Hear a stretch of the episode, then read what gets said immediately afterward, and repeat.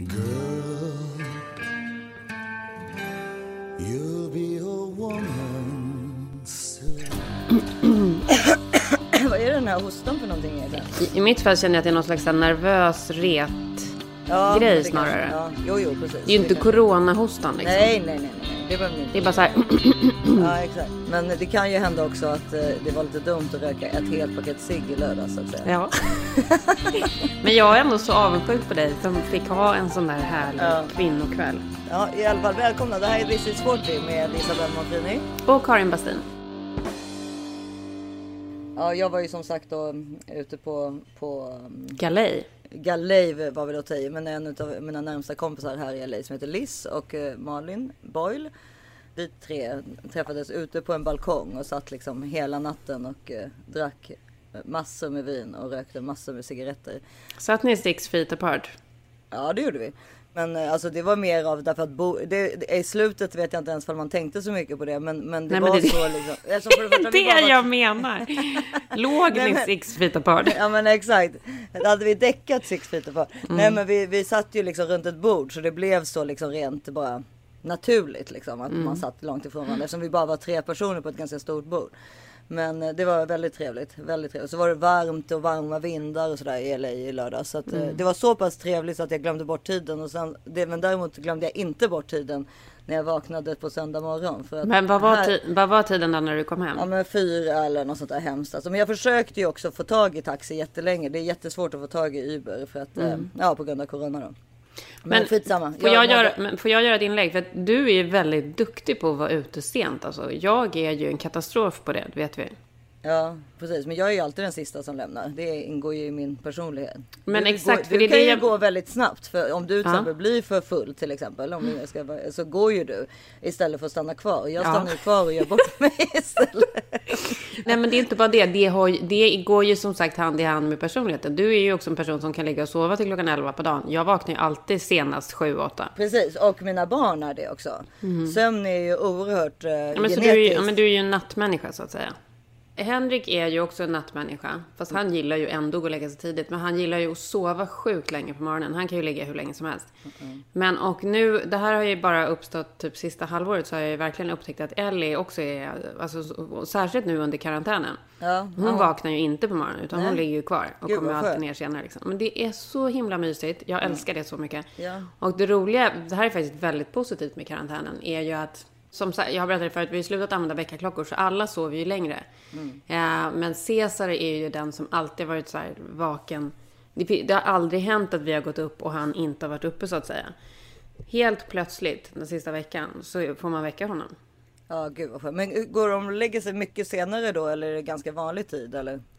Nej men vi- jag har ju förstått att det är väldigt slappt hemma hos oss då. För att, ska jag ta upp det här med Busy igen. Med den här jävla jobbiga stressiga WhatsApp-tråden från dem. Ja, Där har de ju nu, de håller ju på och pratar om att eh, de har spårat ur tycker de. För att deras barn då inte tar naps på dagarna och då är de uppe senare på kvällen. Och då är det så här. Åh, jag hatar dem så mycket. Nej, Nej men här, åh, vänta lugn nu. De bara Oh my god, Alltså- she's still up, it's 8.30. Man bara, Åh, men eh, okej.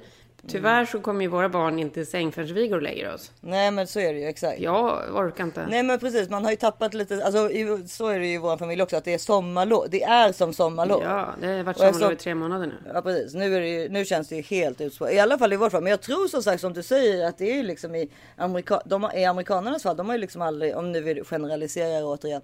De har ju liksom aldrig varit dåliga föräldrar eller aldrig gjort någonting som inte Nej. passade in. Så för dem är det här jätte, jättemärkligt. Var på vi liksom, aha men okej, alltså vi har ju sommarlov varje år så att säga Mm. och går igenom den här perioden ungefär. Fast utan skola där vi har lovat lärarna att vi ska läsa varje dag och kanske Ja, göra ja, något. Mm. matte, mattetal och sånt där. Aldrig öppnat en bok för tiden bara går och sen plötsligt börjar skolan igen. Ja, men en Ja, vecka att- innan skolan börjar, det är så här, the summer reading, de där tre böckerna. Ja. Och som man också då ska lämna in Mm. helst liksom. Det är mycket liksom pekpinnar på föräldrarna liksom. Man har ju alltid dåligt samvete för något, men det har man ju alltid som förälder, så det spelar ju liksom ingen roll. Men det är intressant att vi pratar om det, för det har jag tänkt på mycket. För att jag har faktiskt, jag har faktiskt mått jättebra de sista, sista två veckorna, känns det som. Samtidigt som jag går runt och mår så jättebra, så har jag också såna där jobbiga grejer som håller på och krafsar i. För det första har jag ju då, jag tycker att hela världssituationen är vidrig. Men det har ju blivit en rutin det här livet nu. det här karantänlivet som då det för med sig en hel del positiva grejer, måste jag faktiskt säga. Och det är ju liksom att det är noll stress här hemma på morgonen och sånt. Ja det är så skönt. Det där med väckarklockan. Alla barnen har hittat sina rutiner. Ellie har ju inte hittat någon rutin, utan det är ju liksom... Eh, det är ju med mig och iPaden. Men det har liksom Och en väl- bananglass. Ja, nej, men det har blivit väldigt så här... Det har blivit ganska så här slapp och skönt. Men jag har ju ett så här lite dåligt mammasamvete hela tiden som håller på och krafsar. Att jag känner att jag inte är lika bra som de andra mammorna. Det här är Busy Bees fel. Ja fast jag, ja, ja precis. Ja jag vet inte. Jag, jag tycker att det är jobbigt det där att man liksom aldrig får egen tid liksom. Det tar mer på ens, ens krafter än vad man förstår att hela tiden vara med någon. Hela tiden. Så när jag får, man får vara bara det där som, alltså typ, alltså hashtag car therapy. Bara det där, jag vet att vi, det kanske vi har pratat om tusen gånger, jag kommer inte ihåg någonting. Men alltså bara för att vara själv i sin bil är ju liksom, kan ju ge en så otroligt mycket energi nu för tiden. Alltså bara vara ensam i ett väntrum. Eller till exempel där i lördags när jag åkte till Liss. Då var det ju liksom Alltså jag hatar ju såna Uber-resor. Det är mitt absolut värsta. Men plötsligt var ju det en frihetskänsla. Alltså så man har ju ändrat liksom åsikt om ganska mycket saker. Vad man liksom uppskattar och inte. Men men. Ja, det är så att man kanske kommer komma ur det här som en bättre person, eller? ja, Jag vet inte. Går det Karin? Kan vi bli bättre än vad vi är? Nej, det är svårt alltså. Kan Nej. aldrig bli bättre än Jag vad vi tror är. inte vi kommer bli bättre. Men jag har verkligen så här... Har hållit på och tänkt så himla mycket på det här. Och särskilt nu idag också. För då åkte jag ju... Jag åkte ju långt utanför stan. En timme bort. Jag åkte igenom hela LA och så här. Gardina och allt det här. Så otroligt jobbigt också när man sitter där och tittar ut och ser det här landskapet av liksom stängda butiker, stängda affärer. Inte en människa någonstans, shoppingmall som bara står. Jag bara känner så här, vad, är, vad ska det här sluta någonstans? Ja, Hur vet. ska det här kunna fortgå? Hur ska det inte kunna funka att samhället rullar på? Du flyttar ju härifrån så du kommer inte att se liksom vad som händer. Men jag är så orolig för vad som ska hända här. Men det säger vi väl varje vecka, gör vi inte det? Eller jag får för mig det Jo, jag vet, men jag kände det idag extra mycket när jag åkte igenom allt det här. För att jag bara känner att, att jag fattar inte hur det är möjligt. Nej, Kan inte du förklara för mig? nej, men jag vet inte heller hur det ska gå. Men och jag eh, samtidigt så. Nej, jag, jag eh, alltså. Men samtidigt som jag satt och åkte igenom det här landskapet av stängda affärer och alltihopa så att jag också lyssnade på en lång intervju med Jane Fonda. Ja, Our guest this week, guys, is Jane fucking Fonda. Oh gosh. Jane V. Fonda. Hello, Miss Fonda. It's so nice to meet you over Zoom. Hello. Hi, Lewis. I'm so excited to have you here because I remember first becoming aware of you in high school when we watched the China Syndrome in a class of mine. And I love how you've been able to meld making films with issues that you care about. And I would love for you to tell us how you've balanced making art, making it important, and making things people want to see. Well, um, I became an activist um, in the late 60s, early 70s, and up until then, the movies that I'd been offered were not, they weren't consistent with how I was feeling as a person, as an activist. And so I was seriously considering leaving the business and becoming a full time activist. And I had a friend in Detroit who was the head of the Revolutionary League of Black Lawyers. Ken Cockrell was his name, and he said to me, Listen, Fonda, organizers are a dime a dozen, something like that. But we got plenty of organizers. We don't have movie stars. The movement needs movie stars. It gives you a great platform. And so not only should you continue in your career, but you should commit yourself even more to doing the kind of movies that you want to do. And that, that was when I decided that I was going to start producing movies that reflected issues that I thought were important. You know, the one thing I learned is that if you want to do a movie that's about Men fy fan vilken jävla människa. Hur hon liksom helst av allt egentligen bara vill vara aktivist. Men vill göra alla så skådisjobb och allt sånt så bra som möjligt. För ju bättre hon gör dem desto större utrymme som aktivist kommer hon få. Hur kan man vara en sån otroligt bra människa? ja, nej, mer Jane Fonda på oss alltså. Ja, Vi behöver ju engagera oss. Det Men det. det var, det var det jag så tänkte på. Man skulle ju behöva engagera sig. Problemet är väl då att man är så här småbarnsmamma. Man orkar inte riktigt det. Nej, men och sen är det ju så att. man- Eller det kanske inte ens heller är det som är problemet. För även om man inte är småbarnsmamma kanske man inte kommer ha den där aktivist... Hjärnan. Man är för egoistisk och för lat. Ja, men ja, kanske inte egoistiskt. Det tycker jag faktiskt inte att vi är. Men man kanske är lite för lat, ja. Eller kanske inte bara kanske, det är man ju. Men det var exakt det hon satt och pratade om. För att hon sa så här, ingenting kommer hända om ingen gör något. Nej. Man kan liksom inte bara sitta där och tänka att andra, så, andra människor ska förändra saker. Nej, men är det inte också lite så med aktivism, liksom att när man, alltså det är typ som eh, när man ligger så att säga. Ligger man mer så ligger man mer. Jo, precis. Håller man på med någonting så börjar man hålla på med det ännu mer liksom. Exakt, för det tänkte jag också på. Och det var ju också så hon sa. Att det är här, om hon nu hade börjat som anti-war-aktivist liksom. Och till, och med liksom, alltså, ja men du vet ju att eh, president Nixon uttalade sig om henne som att hon liksom var landets, eh, en av landets främsta fiender. De tog ju hennes bankkonton, de gjorde ju inbrott hos henne, det var ju liksom helt sjuka saker. Men ju mer sådana, ju mer aktivistjobb hon gjorde, desto mer blev det ju. Ja, för man blir mer engagerad i det såklart. Ja, hon, för att hon får väl också så mycket... Det i sig kanske också är lite egoistiskt för att hon får ju så otroligt mycket bra uppmärksamhet för det. Jo, men det kan ju vara egoistiskt åt bägge hållen, precis som hon säger. Att jag, det blir egoistiskt för att jag då kan jag hjälpa till eller då, då, då Mm. får jag mer en, en större plattform och fler människor hör av sig till mig. Alltså om du Mm. och jag skulle börja hålla på med att vara akt- med. Ja, det hade inte gått Nej, alltså. alltså det, du, vet du vilken jobbig grej? Nu har min ena fot eh, somnat. Ja, det är det värsta som På finns. tal om lat. Alltså det är, Det är så jobbigt. Det börjar krypa upp mot hela vaden. Så att jag, alltså det är hemskt. Jag sitter ju, du ser ju hur jag sitter på ett jättekonstigt sätt. Men du får, du får försöka stampa i golvet. Jo, jo, men då snäppa. kommer Lars, det kommer Lars tycka är jättemysigt när jag börjar stampa i Ja. golvet mitt under podden. Men du, på, Men, på tal om men aktivism inte, och, jag, och... Men vänta, jag hade inte, men Issa, jag hade inte tänkt prata om det här med Jane men jag är tvungen att prata om det för att jag, alltså det går liksom inte att vara oberörd för den människans engagemang och så här, allt hon gör, för de frågade också henne varför hon valde att göra så mycket tv-serier nu. Mm. Hon gör ju, vad är det hon gör? Den här eh, Frankie and Grace eller heter som är så himla kul. Ja, på Netflix. Eh, och, nej, det har också bara med aktivismen att göra. För att hon tycker att hon når ut till mera människor via tv än något annat. Men jag tror att man måste börja med sånt där när man är ung. För jag, menar, jag tror att jag, jag var ju mycket mer engagerad som, med, alltså jag, jag orkade bry mig mycket mer när jag var yngre i alla fall. Alltså till exempel vet jag en gång att jag skrev till så här, Ramlösa hur det kommer sig att de inte kunde göra bättre flaskor för att mm. kolsyran skulle liksom finnas kvar i. Du vet när du köper en, en, en och en halv liter eller även de där små petflaskorna som kom just precis kanske när vi var 20-25. Då tyckte jag så här, vad fan, hur kan ju dålig, vem kan ha gjort den här? När inte ens efter halva så är ju liksom kolsyran borta. Ja. Jätteirriterande. Sen var det någonting med cigarett. Jag vet inte om jag tycker det var en jättebra aktivism. Nej, nej, nej, det jag, här- skrev ju till gott, jag skrev till Gott och blandat och jag var jättebesviken på Malaco över så här att de skrev att det var lika delar surt salt och sött. Ja det stämmer ju inte. Nej, för det var så lite salt och saltet var det man ville ha. Jag skrev också till Vita huset en gång. Att här. För du vet att när man skriver till Vita huset då får man ju alltid svar. Ja, men det vet jag, för vi får ju julkort av dem varje år Ja. också. och då, då så skrev jag så här.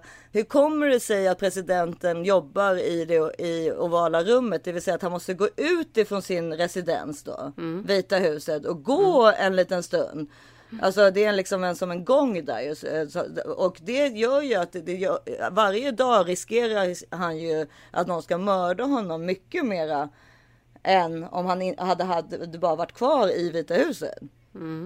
Alltså han är ju ändå utomhus en kort stund. Ja, det tyckte jag var jättekonstigt att man då hade valt. Men då fanns det ju såklart när man när man byggde Vita huset, när man byggde ovala rummet, då fanns det ju såklart inte drones eller helikoptrar och sånt som kunde liksom skjuta ner en på ett annat sätt kanske som det finns nu. Men då borde man ju typ ha ändrat på det, men det gör man ju inte för att det är en sån här klassisk. Alltså man kan inte en ovala rummet måste ju alltid finnas kvar liksom. Ja, det var det ju varit jättekonstigt om man satt Men det fanns ju en annan tan- tanteluring som jag tycker väldigt mycket om och det är ju Kristina Lugn som dog förra veckan ju. Hon, hade, hon var ju också, hon orkade ju också hålla på och små tjafsa om man säger så. Hon, en gång till exempel hörde jag en historia, jag vet inte ifall det här stämmer men jag tycker den är så jäkla kul. Att hon bodde i Gamla stan, eller åtminstone så, så brukade hon eh, köpa sin mat på den där Konsumen som finns på torget där i Gamla stan. Och så någon gång så hade en person på den konsumen varit jätteotrevlig mot henne. Och då skulle hon liksom hämnas, vilket också är så här. Eh, det är så kul med folk som hämnas ju. Alltså orka hålla på och hämnas liksom. Då, då så gick hon och köpte en eh, liter mjölk. Och så satte hon ut den på sin balkong i ett års tid. Ja. Och sen satte hon tillbaka den när det var en vecka kvar på ut, eh, alltså på eh, avgångsdatum då. Ja. Så att det var liksom samma, Ja. för det står ju inget år Nej, på dem. Så att det blev liksom samma dag. Ja, och jag, jag tyckte att det här var jättekul. Men så kom jag på så här, men det är ändå lite taskigt för den personen som köper den. Ja, den kommer ju i och för sig gå tillbaka kanske till ICA då efter, den, efter mjölken typ har exploderat. Ja exakt, hemma. du kommer ju knappt kunna öppna den. Nej, men, men det är ändå blir ju liksom inte Konsums problem riktigt, utan det blir ju mer den här stackars människan som köper den. Men Mm. då kommer jag att tänka på också vad man, har du hämnats någon gång till exempel på någon kille eller på någon, någon alltså har, har du hållit på med någon hämndgrej? Kommer du ihåg när vi var små att man höll på att med hela om han, tiden. ge- om han gör slut med mig så kommer jag sätta rått, alltså vad var det Ja. man skulle göra? Banka in en, en torsk typ eller ja, Ja, men, ja.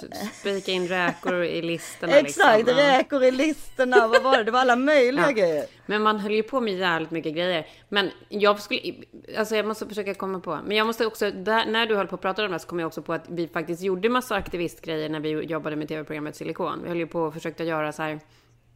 Så det skulle bli mer gatlyktor i oupplysta städer för där var så mycket överfallsvåldtäkter och sånt. Ja, ja, precis. Men Silikon var ju duktiga på det där. Ja, men utöver det, eh, hämndgrejer. Låt mig tänka. Låt mig tänka. Det värsta Man, alltså, ta- man har ju planerat sjukt mycket hämnder. Alltså från Ja. så här vidriga killar som har dumpat en på taskigt sätt och sånt. Ja. Det här skulle du förberett mig på, för vi vet ju hur mitt minne... Jag vet. Hur det är kanske, med mitt minne. Det kanske kommer senare i programmet. För i, i samma tanke så tänkte jag också på den här grejen just med hemligheter och sånt. Vad man berättar och vad man inte... Alltså du vet, säg Mhm. att du berättar en hemlighet till mig. Ja. Och så säger du så här, men berätta inte det här för någon. Berätta inte det ens för Filip. Det Ja. måste man ju... Jo, Det måste... Jo, fast då brukar du berätta det för Filip. Ja men det är det dit jag vill komma. Att oftast så, även fast du säger det så vet ju du någonstans att jag ändå kommer berätta det för Filip men ingen annan. Alltså det får man liksom så här, man får ta det... Man får räkna med det. Man får räkna med det även om personen säger att den inte ska göra det. För folk är liksom dåliga på saker, Ja, men man- att hålla saker från den man lever Ja med. men man liksom. måste räkna med att det ingår liksom inte i planen om man berättar en hemlighet. Men, men då är det Nej. frågan om, eh, finns det någon hemlighet då som man inte skulle berätta till exempel för sin partner? Ja, men har man har mördat någon, då kan Ja, man men- absolut inte berätta det för någon. Okej, För att det är liksom, det kommer komma det är ut. den största hämnden. Ja. Men, men, men nej men alltså vad jag- liksom typ mer, jag tänkte mer till exempel, säg att du skulle berätta eh, en, an- en du hade varit otrogen med en killkompis Mm. till oss alla. Men och då skulle jag berätta det för Filip, då skulle jag ju sätta Filip i en knivig situation eftersom han också känner Henrik. Ja, jättejobbig situation. Så att det är också så här, skulle man bespara honom det då? Eller skulle man behöva liksom hjälpen med att man hade delat med sig? Alltså för problemet är ju med hemligheter också att ibland är de ju så svåra att hålla just på grund av att man inte får dela med Ja, sig. men det är också så här, för att hemligheter är ju också ofta någonting som är väldigt spännande. Och det är också så här, både spännande och grejer kan också vara väldigt jobbiga. Och då är det ju otroligt svårt. Ibland. Ja. Så här, Henrik är ju en sjukt lojal person. Det Ja. är han ju verkligen. Han Ja. kan ju absolut ha massa grejer som han inte berättar för mig om han har lovat det för, till någon annan. Ja. Men han är också otroligt bra på att pressa mig på hemlisar. Det är jättejobbigt. Ja, det, det kan jag se. Aj, aj. Det är därför han har många hemligheter också kanske. Ja, men alltså det är också så här, det är väldigt jobbigt för han är ju sådär så att han, ja men då, då kan han vara så här, om inte, jag, han bara, jag vet att du, att du fick höra någonting nu. Om man, om man har överhört att man har, man har pratat i telefon och man bara, nej, är det sant? Oj, oj. Och så kommer man och säger man till honom att det inte är någonting. Då, blir, då är han så här, ja men då kommer inte jag prata med dig. Och då vet man att då kommer inte han prata med mig förrän jag har berättat det. Hemskt va? Så han Han är är, 50 år gammal, va? Hur sjukt? alltså han är ju ganska... Det är ett han kontrollfreak, gill- han vill veta allt liksom. Ja, men han är ju också skvall. Alltså han gillar ju skvaller. Han tycker ju det är kul. Ja, alltså, ska, det han. alltså, och, han ty- alltså så är det ju. Ja, men det här, han gillar ju skvaller, men han är ju inte den som orkar sitta på middagen och ta in skvallret. Nej, men han, han- vill ju bara ha snabb recension Ja, ja, efteråt. nej, nej, nej, han det är det bästa han vet när jag har varit på middag och han frågar vad, som, vad det har pratats om. Ja, nej, han vill och så är han så här, och han blir, ju, ju mer middagar vi har haft så sådär, desto mer selektiv blir han bara, ja, ja, gå vidare till nästa, nästa, nästa ämne. Ja, men det förstår Vad som är så intressant och Ja. vad som är tråkigt. Nu är man ju så svältfödd, så nu är det så här, ja men gud, alltså jag vet inte vad vi ens skulle kunna räkna in som, som smarrigt. Nu är det typ så här vad som helst som någon, Ja, men typ när man man- har haft någon kontakt med någon annan är ju liksom intressant Ja, att man, höra. vad eller man har typ varit på en så här, ett ställe och köpt en kaffe eller Ja. någonting. Då är det typ intressant. Nej, Ja. nej, Det är men, så jävla händelselöst. ja, det är verkligen nu. händelselöst.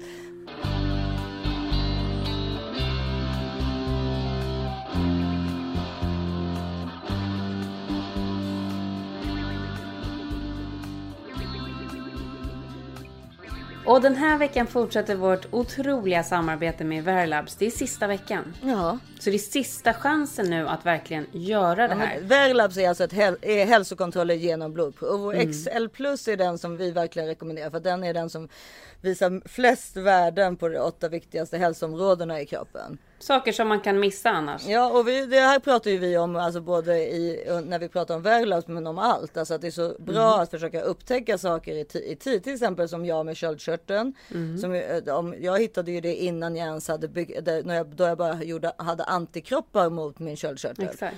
Så, Vad är symptomen på att man har problem med köldkörteln egentligen? Ja men det är ju hemskt. Man blir trött, man får dåligt hår, man får dåliga naglar, man går upp i vikt eller ner i vikt beroende på vilken du har. Ja, och det är ju farligt så det behöver man ju veta. Ja men verkligen. Och så järnbrist och sån här och D-vitaminbrist som är liksom då kanske lite mindre allvarlig. Men det är ju fortfarande så att man eh, kan leva ett mycket liksom eh, roligare och piggare liv om man får, får bukt på det.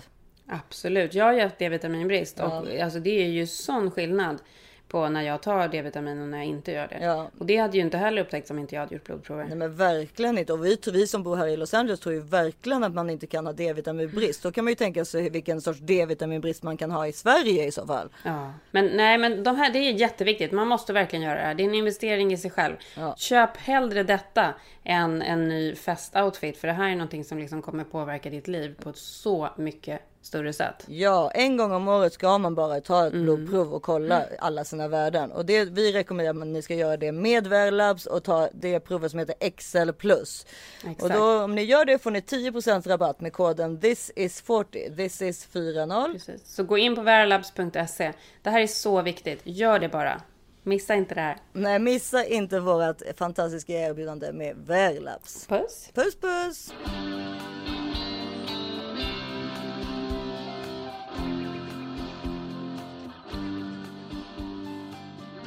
Nu sa ju jag inledningsvis att jag mådde väldigt bra och det gör jag väl liksom. Men inombords så mår jag inte så bra. Nej, om jag verkligen ska säga så mår jag inte så. Nej men alltså det är så jävla mycket ångest nu också förknippat med att du ska flytta tycker jag. Ja. Jag vill inte säga det till dig för att jag, du, jag vet att du tycker det är jobbigt. Men det är faktiskt hemskt. Det är. Jag tänker så mycket på den här hösten. För det första, jag tycker det är hemskt, hemskt, hemskt att du ska flytta. Sen så kanske inte vi ens kommer ses i sommar, för jag vet inte ens om vi kan åka till Sverige. Eh, och sen kommer vi inte ses. Nej, men det här med att åka till Sverige, det vet ju inte vi heller. Du säger att men ni kommer komma iväg, ni kommer komma iväg. Men jag kan berätta för er lyssnare att det är så jäkla jobbigt att ta sig till Sverige för mig med fyra barn och två hundar. Så är det någon där ute som kan hjälpa mig med det så skulle jag. Ja, nej, men jag la ju också ut en post på Instagram. Folk bara, men det är väl bara att boka en biljett? Nej, det är faktiskt inte så. Nej. Det börjar kännas som att vi liksom är med i så här, någon av Moberg-böckerna, Utvandrarna. Att vi ska typ försöka ta oss hem. Ja. Det är typ helt omöjligt. Nej men det är omöjligt att ta sig hem plötsligt. Alltså, och det är också, har ju mycket med hundarna att göra. Men sen så går det då som sagt en KLM flight via Amsterdam. Och den går inte att ta på grund av hundarna av olika anledningar. Men det är också så att vi har ju haft kompisar som har varit bokade på den flighten som går typ fyra gånger i veckan kanske. Och då har den bokats av liksom tre eller fyra gånger. Och då är det inte jätteenkelt. Alltså man ska ju egentligen då få tillbaka pengarna. Men det är inte jätteenkelt att få det. Det är inte bara att de sätts tillbaka på kontot ungefär. Då Nej, man det är ha... jättemånga som inte har fått tillbaka Nej, pengar. och, på- precis. på Och då ska man hålla på och tjafsa om det och så vidare. Alltså det är också här grejer som var, ha, och jag har ju bokat redan tre resor som har blivit avbokade. Ja, för nu hade inte vi, nu hann vi inte prata här innan vi spelade in idag, för jag skulle fråga dig det, hur det hade gått. Du har fortfarande ingen resa? Nej, men nu håller jag på med en amerikansk resebyrå också som försöker hjälpa oss och eh, då skickade hon just det alternativet det här med Amsterdam. Jag bara, men can you verify that I can bring my dogs liksom? Eh, och då bara, ja, då fick jag tillbaka att hon skulle kolla det. Men jag vet ju att det inte går, för jag har redan varit på med den där resan. Men hon kanske har andra kontakter så att de, alltså jag har ingen aning. De kan, men det, det, verkar, det, det tror man ju ändå inte kan stämma att, att det plötsligt skulle kunna gå att få. Så funkar det väl inte i resebranschen nej, eller? Nej, det gör det väl inte. Om du inte liksom är J Lo eller något liksom. Ja. Nej men alltså det här är så Nej men då får man ju flyga sjukt. privat. Eh, Eller så får du ta Atlantångare. Det, det, var, det fick jag faktiskt höra just om en annan, eh, en annan svensk som hade gjort. Mm. eh, Jag vet inte vem det här är men De hade ju till slut fått låna sin kompis privatjet. Det hade kostat typ så här 120 000 dollar eller någonting. Alltså har man råd så betalar man väl det om man behöver komma hem. Men Men det här är så jävla sjukt, för det här har också varit så här ett av incitamenten till att göra det enklare att bo här borta. Är så här, jo, absolut, det är jättelångt bort från Sverige. Men vill man åka hem så är det ju bara att sätta sig på ett flyg imorgon. Nu är det ju absolut inte så. nej, och det kommer nog inte vara så på väldigt länge. För att Det kommer nog inte vara så på en massa år. Och det tycker jag är så jobbigt, för att jag vill ju bo kvar här. Men nu ska du flytta och så ska man inte kunna åka hem och så kommer folk inte kunna komma och hälsa på. Nej men jag tycker det jobbiga med den grejen, framförallt i början tyckte jag det var jättestressigt. För vi hade ju alltså både min mamma och min styvpappa hade väl, hade ju corona. Alltså min styvpappa var ju den som, alltså Uffe då, han, han var ju den som fick, han, han har ju fått, han har ju blivit testad positiv. Men och sen så var det ju där med, med mamma utan smak och det där. Och sen så hade ju mina svärföräldrar Pia och Anders var ju också sjuka. Och, och, alltså i absoluta coronabesvär liksom. Men de har ju inte blivit testade. Men då är det ju så här, tänk då mot förmodan att någonting verkligen skulle hända. Då hade man ju inte kunnat ta sig hem. Tänk dig den tanken. Eller det är den tanken som är jobbig.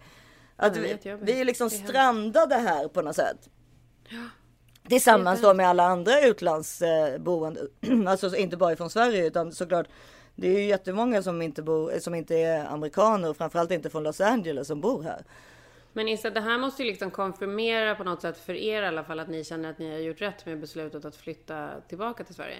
Ja men det är inte en konfirmation men vi, det, alltså, vi är peppade men alltså det ska bli kul men och vi läng- längtar tills att man, att man är där men just nu är det ju väldigt mycket stress pålagt på att överhuvudtaget komma dit så att man, man kan liksom inte riktigt tänka i de man, man orkar, man, ja, man tänker inte glatt liksom utan det blir bara så här hur ska det gå? Och kommer även om vi får en biljett kommer de säga nej till hundarna liksom och sånt där du vet som jag och det är jag nervös över varje sommar att de ska göra. Ja, jag med. Så att, men det, än så länge har de inte gjort det. Men då har ju också varit att jag och Filip har flugit på olika plan för att han har varit i Europa redan och arbetat så. Och då har han tagit med sig en av hundarna på grund av alla de här. Ja, men och man har ju alltid vetat att så här, ah, blir det något problem så går det till flyg efteråt. Liksom. Ja, precis. För, Nej, den här tiden är helt, den är helt obeskrivlig. Jag har ingen aning om vad som kommer hända eller hur vi ska göra. Men vi kommer ju bo kvar här, det vet jag ju. Men det är ju... Det kommer ju vara liksom några sjuka år förmodligen.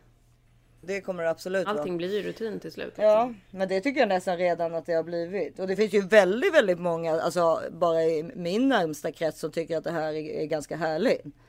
Jo, men det, jag tycker ju vissa grejer med det är ju mysigt. Att familjen ändå är så nära. Ja. Att man slipper den där stressen. Att man har ju ganska bra koll på vad barnen håller på med ändå. Det är ju klart att det finns positiva saker Ja. med. Liksom. Och man får så här, alla får ju sig en tankeställare vad det gäller liksom allt. Från konsumtion till relationer till... Nej så är det. Vi, så är det verkligen. Det, det, skulle det typ kunna vara typ det snällaste någon skulle kunna göra mot en. Det är att, att typ ta ens hundar till Europa. Så skulle man kunna.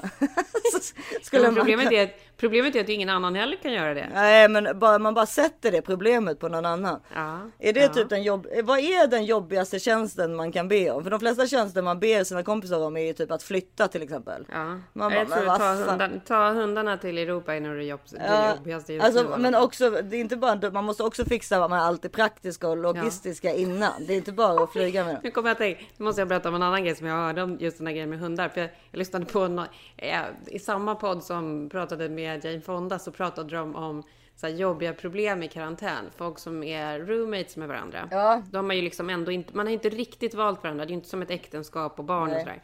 Alltså, man, man blir ju som sagt mer och mer irriterad på varandra för att man är med varandra hela Ja. tiden. Man har ju haft ett period, par perioder i livet där man har varit roommate med kompisar. Jaha, gud ja. Framförallt jag, jag har ju också gått på internatskola. Ja, nej men man har ju... Ja, det, det är ju otroligt fascinerande faktiskt att man då ändå kunde bli så irriterad som man blev. Jag blev i alla fall det på vissa av mina roommates. Eh, och att jag inte alls har samma irritation nu när jag verkligen är liksom på andra människor. Gud, Ja, men vad, det, det där, fall- nu tror jag du ljuger. Det där stämmer inte. Jag tror att man är me, mycket mer irriterad nu än vad man var när man var 20. Nej för, att jag, nej, för jag kastades tillbaka till flera olika relationer med kompisar jag hade som jag bodde med. Och hur irriterad jag kunde bli på dem på liksom allt ifrån var de la en hårborste till hur de tuggade en macka eller att osten alltid var hyvlad som en jävla skivbacke. Eller att det alltid var jag som köpte smöret. Typ Ja, men du saker. visste ju åtminstone att du kunde lämna personen när som helst. Men Ja, nej men det var här, och då var det, då var det så jävla kul för då var det i en podd idag så lyssnade jag på det värsta roommate-problemet som var då att roommaten hade en hund som den inte gick ut med tillräckligt ofta. är det, är det bajs och kiss nu igen? Ja, All right, we've got one more case. Hi, Keep It. This is Casey. I'm having a spat with my roommate about her dog because it's constantly peeing and pooping in our apartment. She's not home enough to take care of it. It goes out for about two minutes for the entire day. And recently, I was walking to the kitchen. I stepped in dog poop in our kitchen on my way to make a pizza. She also didn't take the trash out, I might add. Det låter som du och jag. ja, nej men så att den Alltså som var- även när det gäller hundbajset så skulle det kunna vara du. Och vi är återigen sponsrade av vårt älskade Belissas Whitening. Catching med vårt vita leende säger vi. Hur har det gått med hundtandlekningen på tal om Nej, det? men den har, den har vi såklart inte testat. Nej, ja. det var faktiskt kul. Men våra egna tänder går det ju väldigt bra med. De går väldigt Ja, bra de, med. det är inte så ofta man längre behöver liksom använda den här, vad heter den, den här retuschgrejen i, eh, på sina bilder när man ska liksom fixa till tänderna. Det behövs inte så ofta. Det är man ju glad över. Och vi har ju pratat om flertalet produkter från, som Belissa har, men vårt och ert favoritkit är ju Be White Pap 100. Mm. Och, och det kommer alltid förbli favoriten för både er och oss skulle jag tro. Ja, för det, det är så otroligt enkelt. Jag brukar ju köra på den direkt när jag ändå står i badrummet och håller på och fixar ordning mig. Eh, direkt efter ett bad. Du kanske ska göra det nu ikväll efter ditt bad? Jag brukar göra det i badkaret och jag kommer göra det idag i badkaret. Ja, superenkelt. Alltså det är så enkelt. Det är så enkelt och gällen innehåller mer än tre gånger så mycket av det effektiva ämnet helt utan väteperoxid för att garantera att man får ännu bättre resultat. Och så är det de här helt nya skenorna som man inte behöver forma efter tänderna utan det är bara att koppla på skenan direkt på lampan. Det är så smidigt. Ja, inte klokt alltså. Ja, och nu är det så att inte nog med allt det här som är så otroligt bra för utan det är också eh, otroligt bra rabatt som Belissas har gett till oss. Man får alltså 50% rabatt och fri frakt för just Be White Pap 100 med koden THISIS40. Mm. Sen, och sen så tycker jag bara så här, bara den grejen att de erbjuder nöjd kundgaranti, alltså är man inte nöjd får man pengarna tillbaka. Bara det i sig är ju ett hundraprocentigt bevis på att det här kommer göra er nöjda, för de skulle inte kunna sitta och ha den garantin annars. Nej, det är nej, otroligt nej, faktiskt. Och rekommendationen, det här ska vi inte glömma, är att bleka tänderna en gång dagligen i upp till 10 dagar för maximal effekt. Mm. Men redan efter första behandlingen så kommer man se stor skillnad på tänderna. Ja, det gör man verkligen. Så det är bara att gå in på belissas.com och eh, klicka hem det här fantastiska erbjudandet. Koden var alltså this is 40 så får ni 50% rabatt och fri frakt. Perfekt. Tack Belissas. Tack Belissas! Det var jag. Ja. Eh, Jag kan se mig själv vara den människan, men jag kan också få alltså, total panik i hela kroppen när jag hör det där. Ja. Nej, men som panik Ja. på den här stackars människan. Och då var så här, deras lösning var så här, antingen så får du typ börja gå ut med den där människans hund, eller så, vad, vad ska du göra Så liksom? måste du flytta. Ja, för att det är så här, det här är bara ett så här, live with it. Men det, på tal om också såna här emotional support dogs som ehm, vi har då, så hörde jag också en sån där, en annan hundhistoria om, ja, från en flygvärdinnekompis. För man kan ju ta med sig liksom såna här emotional support djur. Alltså hur stora de än är, om man verkligen behöver dem. Alltså, eh, det, eller, alltså för det första så är du blind eller döv, då har du ju alltid en labbe eller en schäfer ju. Så då måste du ju ha en sån hund med dig på planet. Men de är ju Ja, uppfostrade. de är uppfostrade. Men det här var ju då tydligen en, vilket jag är fortfarande chockad över. Det här var på SAS, en långflygning på SAS med en chefer i ekonomiklass. Och då, Ja. och då, Ja, men jag vet. Den där var ju, det, det, vi fick höra den Ja, och då var det ju en tant, en tant som hade suttit där med den här chefen och så hade hon typ eh, poppat någon sömntablett och, någonting och somnat och chefen hade kommit, kommit loss ifrån sitt koppel och börjat springa omkring. Nej, i- inte, innan den hade kommit loss Isa, så hade den också morrat på liksom personalen och alla andra som rörde sig. Så alla var ju jätterädda. Alla var jättenervösa redan och sen somnar hon i alla fall, den här som har hand om hunden. Och hunden börjar springa i gången på en SAS-flygning. Och det slutar med att den biter en purser. Eh, Kan hoppa upp, hoppa upp så att han ramlar framlänges och krossar glasögon och liksom allting. Och tanten sover sig igenom allt, Ja. hela. Ja, och då kan man ju tänka sig så här, du vet när jag och Karin hörde, eller när vi hörde det här, då var det ju så här, åh herregud, vi kommer ju bli av med våra, alltså hur länge kommer de tillåta våra hundar att flyga? Eh, eh, liksom, nu är ju de mycket mindre så att säga, men det händer ju sådana saker med hundar. Man tar inte ansvar för sitt djur, så, liksom. Nej, men och det är väl just den där grejen att så här, en riktig ledarhund har ju en utbildning. Ja, det och de hade har ju ju inte den här gjort- chefen. Nej, och det har ju inte våra hundar heller. Det är liksom om vi ska vara, alltså för oss har det ju jättemycket meningar som vi, både jag och du är flygrädda och andra saker, men den har ju inte en riktig anledning till att vara där egentligen. Men då, det var ju Jo, samma sak. har ja, jag. men för oss har det ju Ja. det. Men, men och då, som, det var ju samma sak med, ah, Jo, att det var ju en gång någon som skulle göra, typ, jag tror att det var Vice som försökte göra liksom ett tv-program om det här, hur sjukt det är. För att man, man får ju liksom ta med sig, du vet, typ så här fåglar som emotional support dog eller ödlor och sånt där. Då var det ju en som kom med en stor påfågel, såg du det? Nej, den såg inte jag. I'm not kidding. This woman is wrangling her peacock into the airport. Alltså det var så jävla kul. CBS News travel editor Peter Greenberg is at United's hub at Newark Liberty International Airport, and that's where that peacock was grounded. Peter, good morning. Most people don't think of peacocks as emotional support animals.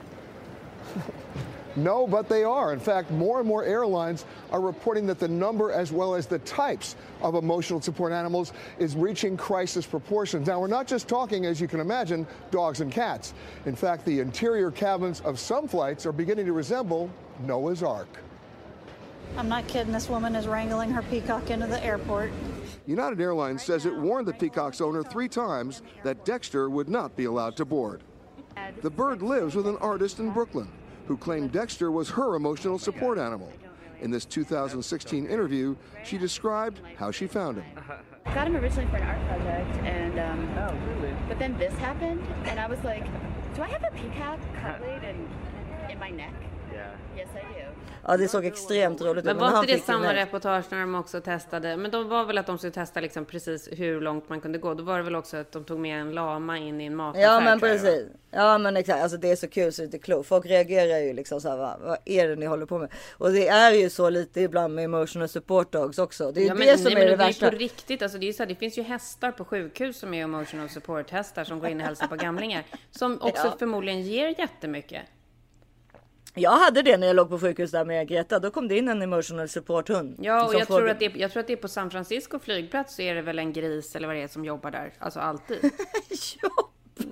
Ja, som ska lugna folk som är stressade och sånt. Nej, men, och det var ju nu, nej men, ja men djur gör ju så himla mycket. Och det, är ju, Ja, det det, var ju någon hund på något sjukhus som tog hand om utbränd liksom, sjukpersonal nu under corona. Ja. Ja, nej men precis. Alltså de gör ju jättemycket. Men jag menar, ja det är ju såklart Låt att... mig få ta med min gris på planet. Ja men exakt. Kan inte jag få ta med mig min äckliga ödla på planet Ja. också? Nej men det- precis. Det är ju som den här Snake, snake on pla- Plane on Snakes eller Snake on Plane eller vad är det? Ja. Världens... Ormar är, min, ormar är ju min värsta.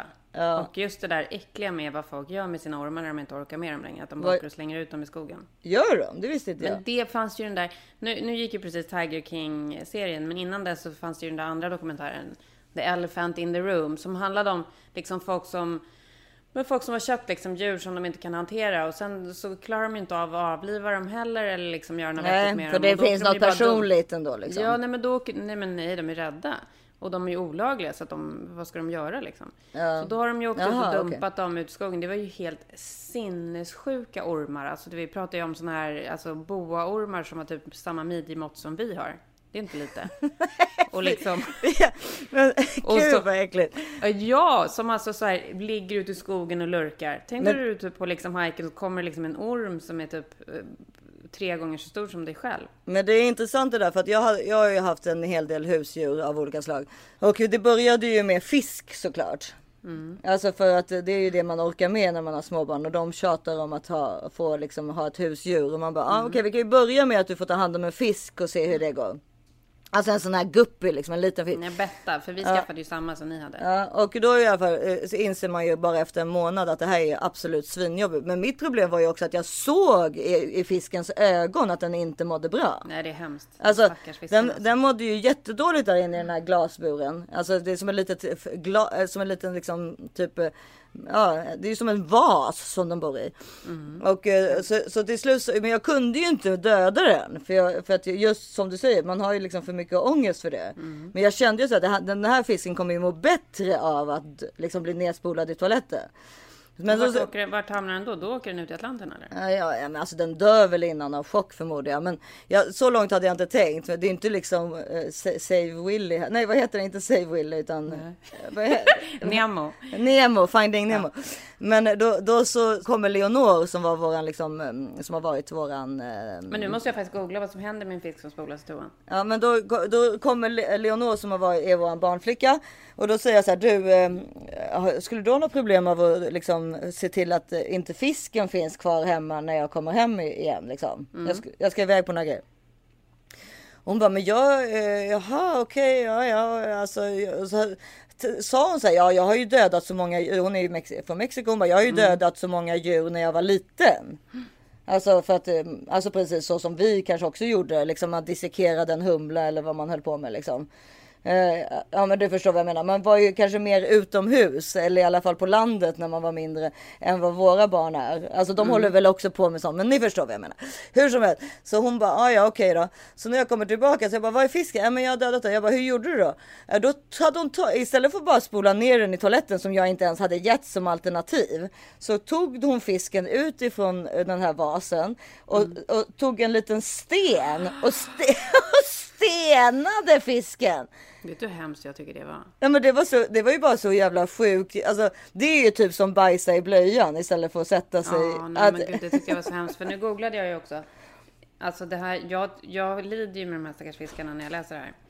Att åka ner i the septic tank is going to be completely inhospitable for the fish and it will die quickly. Jo men det, det är väl tur. die quickly är väl jättebra. Men eh, bli stenad till döds vet du fan. Alltså Leonor fick ju också ta, vi hade ju också en kanin. Som hette Kanini. Mm. som vi också fick så dåligt samvete för. Och vi visste inte ens om det var en pojke eller en flicka.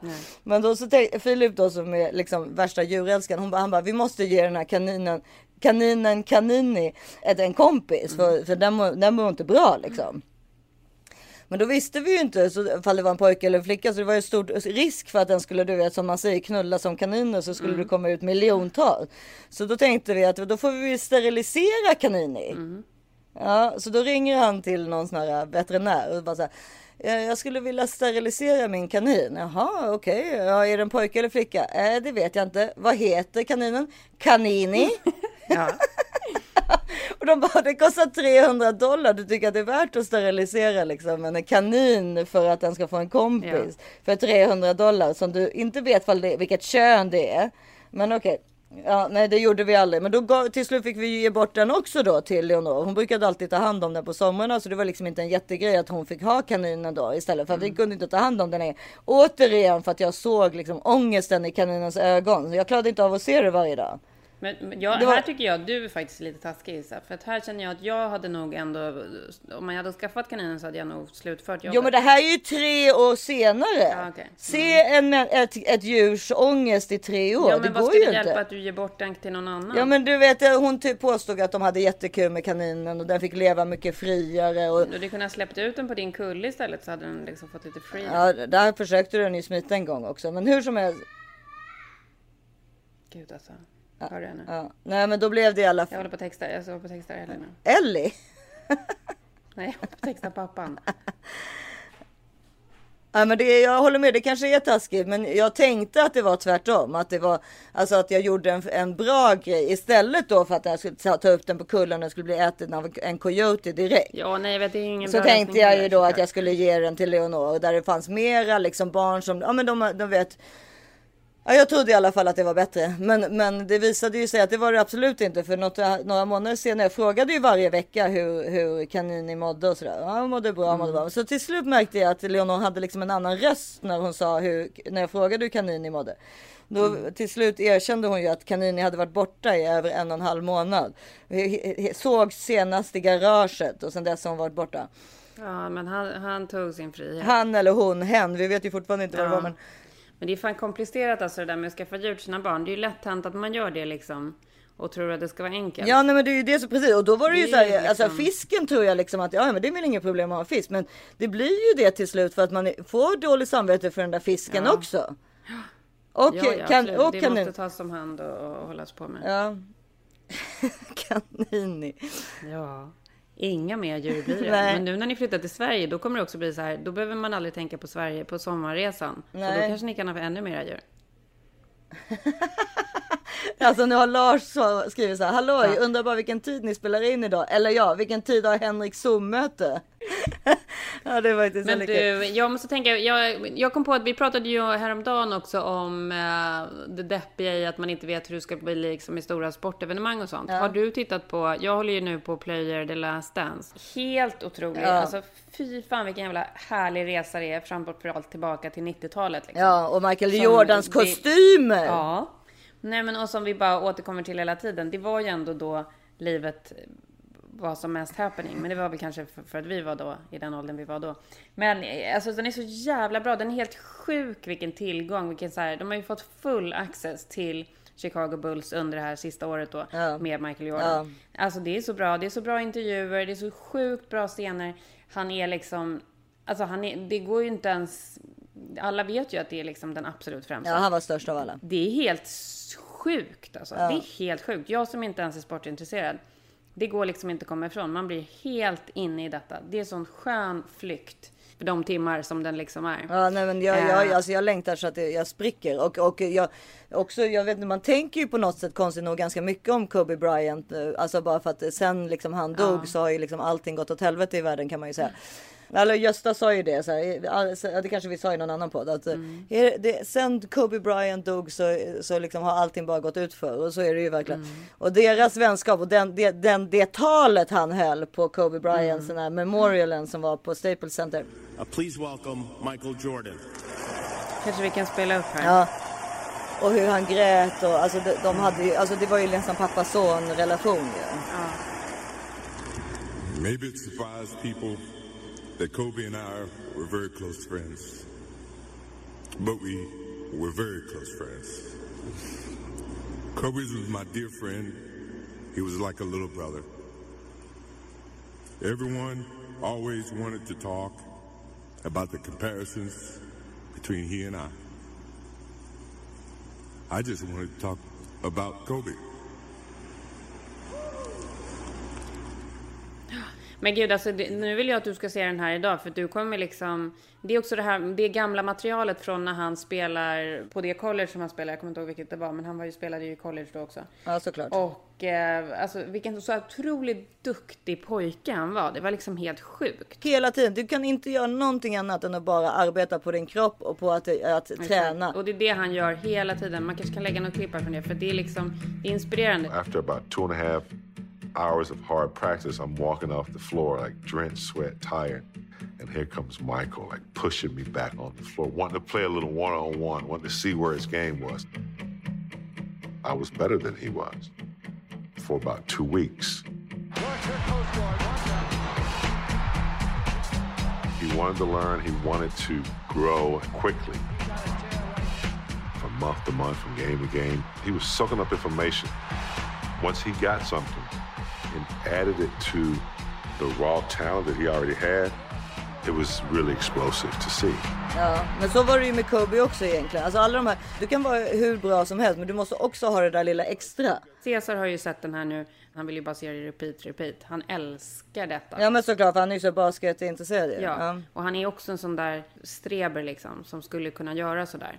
Det krävs jättemycket. Det är som sagt inte vi som är de här icke-aktivisterna som orkar bli någonting sånt där. Nej, Nej men alltså det, Det har, krävs. Det ja men krävs det krävs ju också från, alltså det krävs ju för det första från väldigt, väldigt tidig ålder. Mm. Alltså från 7, 8, 9 kanske. Och så, men sen krävs det ju också att du i kombination med att ha en extrem talang också har väldigt lätt att eh, eh, bli fri från skador. Mm. Alltså att du har, vad heter, alltså du, du har bra läkkött liksom. För du kommer ju bli, jo, du kommer ju bli skadad hela tiden. Det blir man i sporter. Ja. Men om du inte läker snabbt och bra, då kan du aldrig bli nummer ett. Nej, alltså jag är inte en sån. Nej, nej inte jag heller tror jag. Nej men vi hade ju, i alla fall jag, hade ju i alla fall, jag hade fallit bort i the natural selection för typ innan jag ens var tio säkert. Innan du ens föddes. Innan jag ens föddes, absolut. Ehm, om det här var liksom förr i tiden, så är det absolut. Nej men gud alltså ni måste se den, den är helt otrolig. Ja, The Last Dance. Ja men också jävla kul också med liksom alla de här scenerna med så Jack Nicholson som sitter courtside och, Ja. och Dennis Rodman som var så jävla sjuk. Och det där är ändå, nu ska jag se, det där var då, var det 97, 98? Jag, vi gjorde ju High Chaparral sen 2003, så det är, det är bara, vad blir det då? 98? Fem, fem. Ja, fem år efter. Då träffade jag ju honom. Eh, han var ju helt ur... Dennis Rodman. Ja, han var, ju- han var ju helt urspårad. Vi skulle ju ha med honom i ett avsnitt av High Chaparral. Var det du som gjorde den intervjun eller? Nej men vi skulle ju Nej, vi det var ju hänga med honom i flera dagar. Det var ju Fredrik och Filip. Ja, just men det. första mötet som vi skulle ha med honom så åkte vi ner till Newport Beach.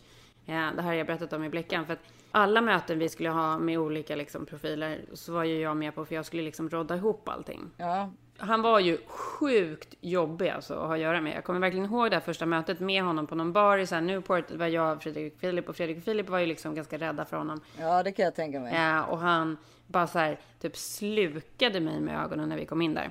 Ja. Och så var han ju liksom en otroligt opolitlig människa såklart, för att han eh, var ju helt knäpp i huvudet. Men vad- drack Eh, han och höll på med att ta droger jo, men och han sånt håller också? på med eller? droger, han håller ju absolut på med massa droger och så. Jag undrar om han verkligen kunde... Framför er eller? Hur? Nej, det kommer jag inte riktigt ihåg. Nej, det tror jag inte. Men han var ju en väldigt crazy person. Men det sjuka var ju i det här, Ja. jag pluggade ju film här samtidigt. Så att jag hade ju tagit in en, eh, en ljudtekniker från min klass. Ja. Som hette, han hette Class tror jag han hette. Ja. Och han var ju verkligen så här from the hoods. Så vi tänkte att det skulle vara jättebra att vi hade med oss honom. Ja, ja, ja. För att han skulle liksom snacka Dennis språk typ. Ja. Ja, alltså, i Sverige så går man fram och säger tja, hej, jag heter Fredrik, så sträcker man fram handen så här och vi känner bara på oss att det kan bli lite, kanske lite töntigt så vi ska höra med class. Yeah, yeah, man. What? You know, What? you gotta of give us some some advice here uh, when it comes to uh, greeting Mr. Rodman, right? Man, you guys know what time it is. Y'all, I got to show you everything. So if I'm if I'm if I'm Philip and you're Rodman, what will happen pretty much? Man, you come up and say, I say hello. What's up, dog? What's How up? you living, dog? Yeah. Right, Are you living? like that. Yeah. Is dog a good thing to say or is bro better? Nah, you say, Brother. what's up, dog? Dog. Oh, what's up, dog? You know?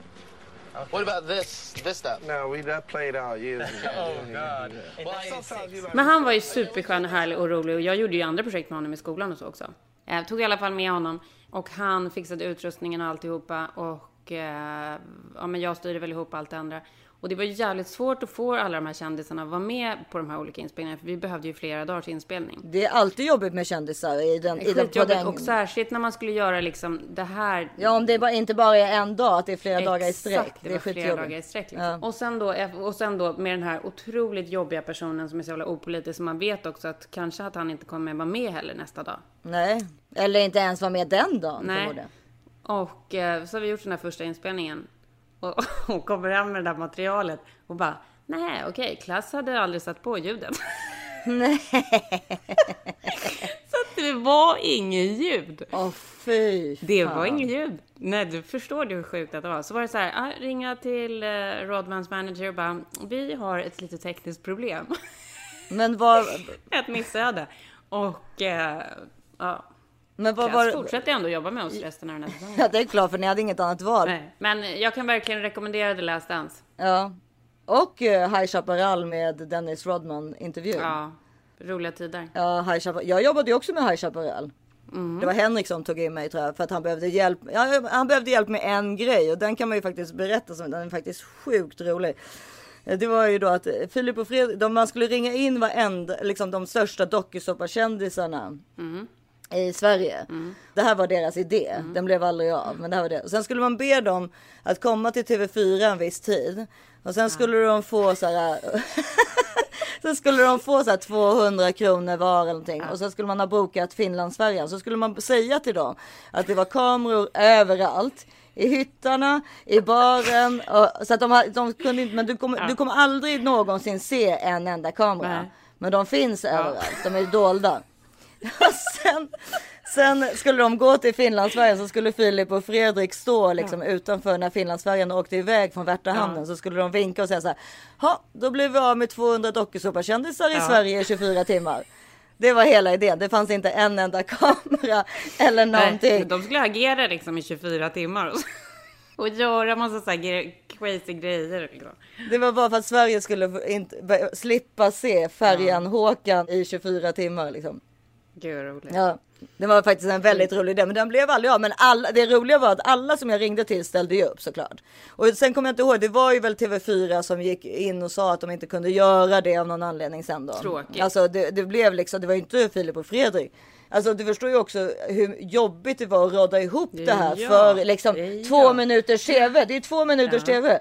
Men, men eh, om ens, men det, det är så pass roligt så att det liksom eh, fick eh, vara kvar tills TV4 då gick in och sa Sjukt att nej, det, alltså. av någon anledning, jag kommer inte ihåg vad det var. Men, Men det där måste jag säga så här, det där är också så jävla typiskt Henrik. För att det är också därför jag, alltså vi blev ju tillsammans under den där perioden när jag gjorde High Chaparral med honom. Men han var ju en sjukt jobbig chef för att han hade ju sådana otroliga krav. Han klarade liksom inga så mellanvägar utan man skulle nej, liksom men göra så är väl det. han med allting.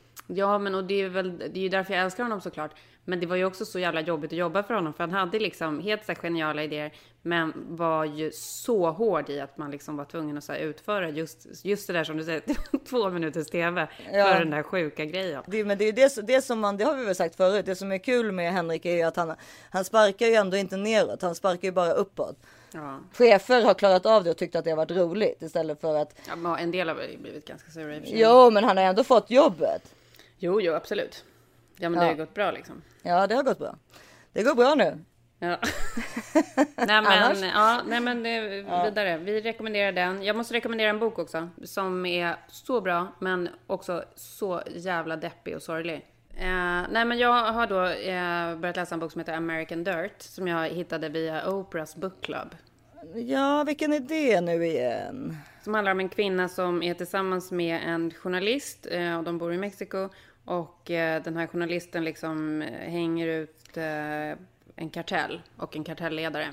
Just det, men det är ju hon ja. som har fått skit för att hon inte är hon, då folk tror att hon skriver typ om sig själv och så visar det sig att hon inte ens är mexikanska och då har det Aha, blivit. ja, det då har. Jo, det har blivit en grej med Oprah. Det, det, är en, det, är ett, det har blivit Okej. ett problem. Men just, det, men just det har jag liksom ingen aning om. Men säg då så här att om du inte känner till bakgrunden om den där författaren något, Ja. så är det, du kommer inte bry dig om det för att historien Nej, är så jävla ja. bra. Men den är, ah, den är ganska gastkramande. Jag, jag ryser nu när jag tänker på det här. Alltså jag tycker det är så jobbigt att läsa den, men jag tycker det är så spännande.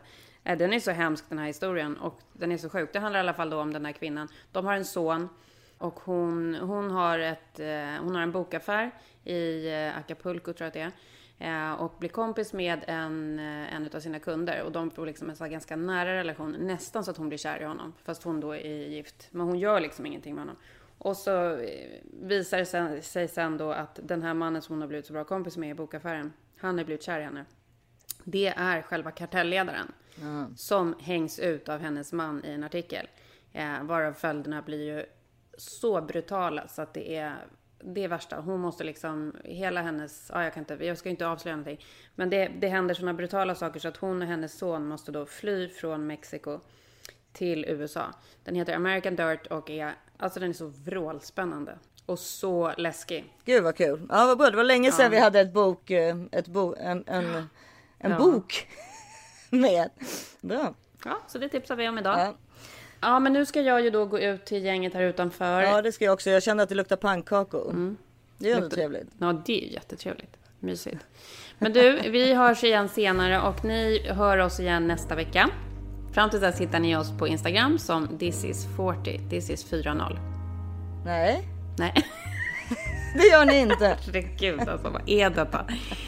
Hjälp mig, vad fan ska jag göra Den med heter minne? This is 40 podd för 20 gången. Och, och framförallt så hör ni väl oss inte så mycket där men ni kanske kan, vi, vi försöker lägga ut roliga saker där. Ja. Och sen så, jag, jag vet inte det där med, folk har ju bett mig jobba med den här dickpic bilden men jag har försökt liksom göra det. Nej, du kan absolut inte lägga ut den. Det har jag sagt till dig massa gånger. Nej, det blir Låt för... oss lägga den där kuken bakom oss. ja, låt oss lägga kuken. Kukar vi minns. Första och sist, förhoppningsvis sista dickpicen. Ja. Ja, men tills ni hör oss nästa gång så finns vi på Instagram på This is 40 podd och jag heter Isabelle Monfrini. Ja, och jag heter Karin Bastin. Ja, vi hörs snart. Vi hörs igen nästa vecka. Puss puss! Everybody loves the things you do, from the way you talk to the way you move. Everybody here is watching you, cause you feel like home. You're like a dream come true. But if by chance you're here alone, can I have a moment before I go? Cause I've been by myself all night long, hoping you're someone I used to know. You look like a movie, you sound like a song. My God, this reminds me of when we were young.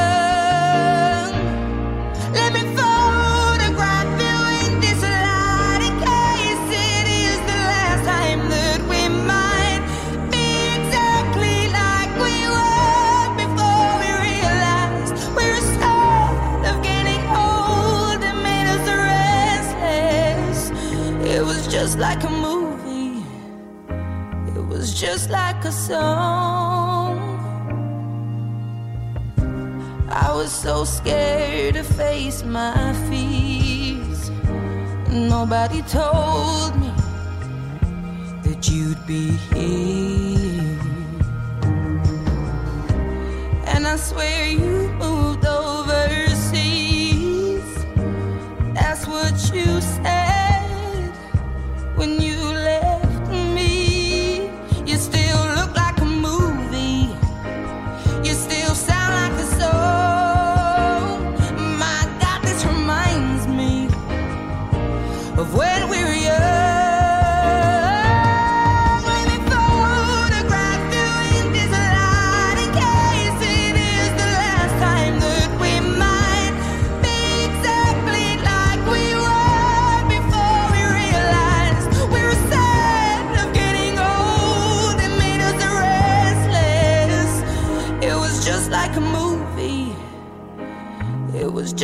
just like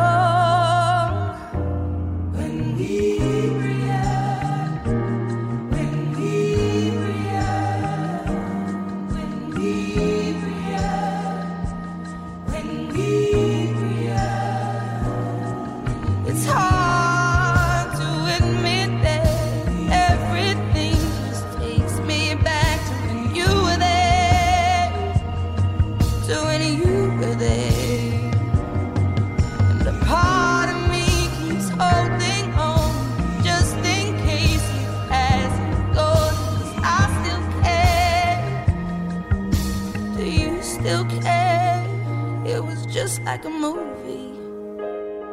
It was just like a song. My God, this reminds me when we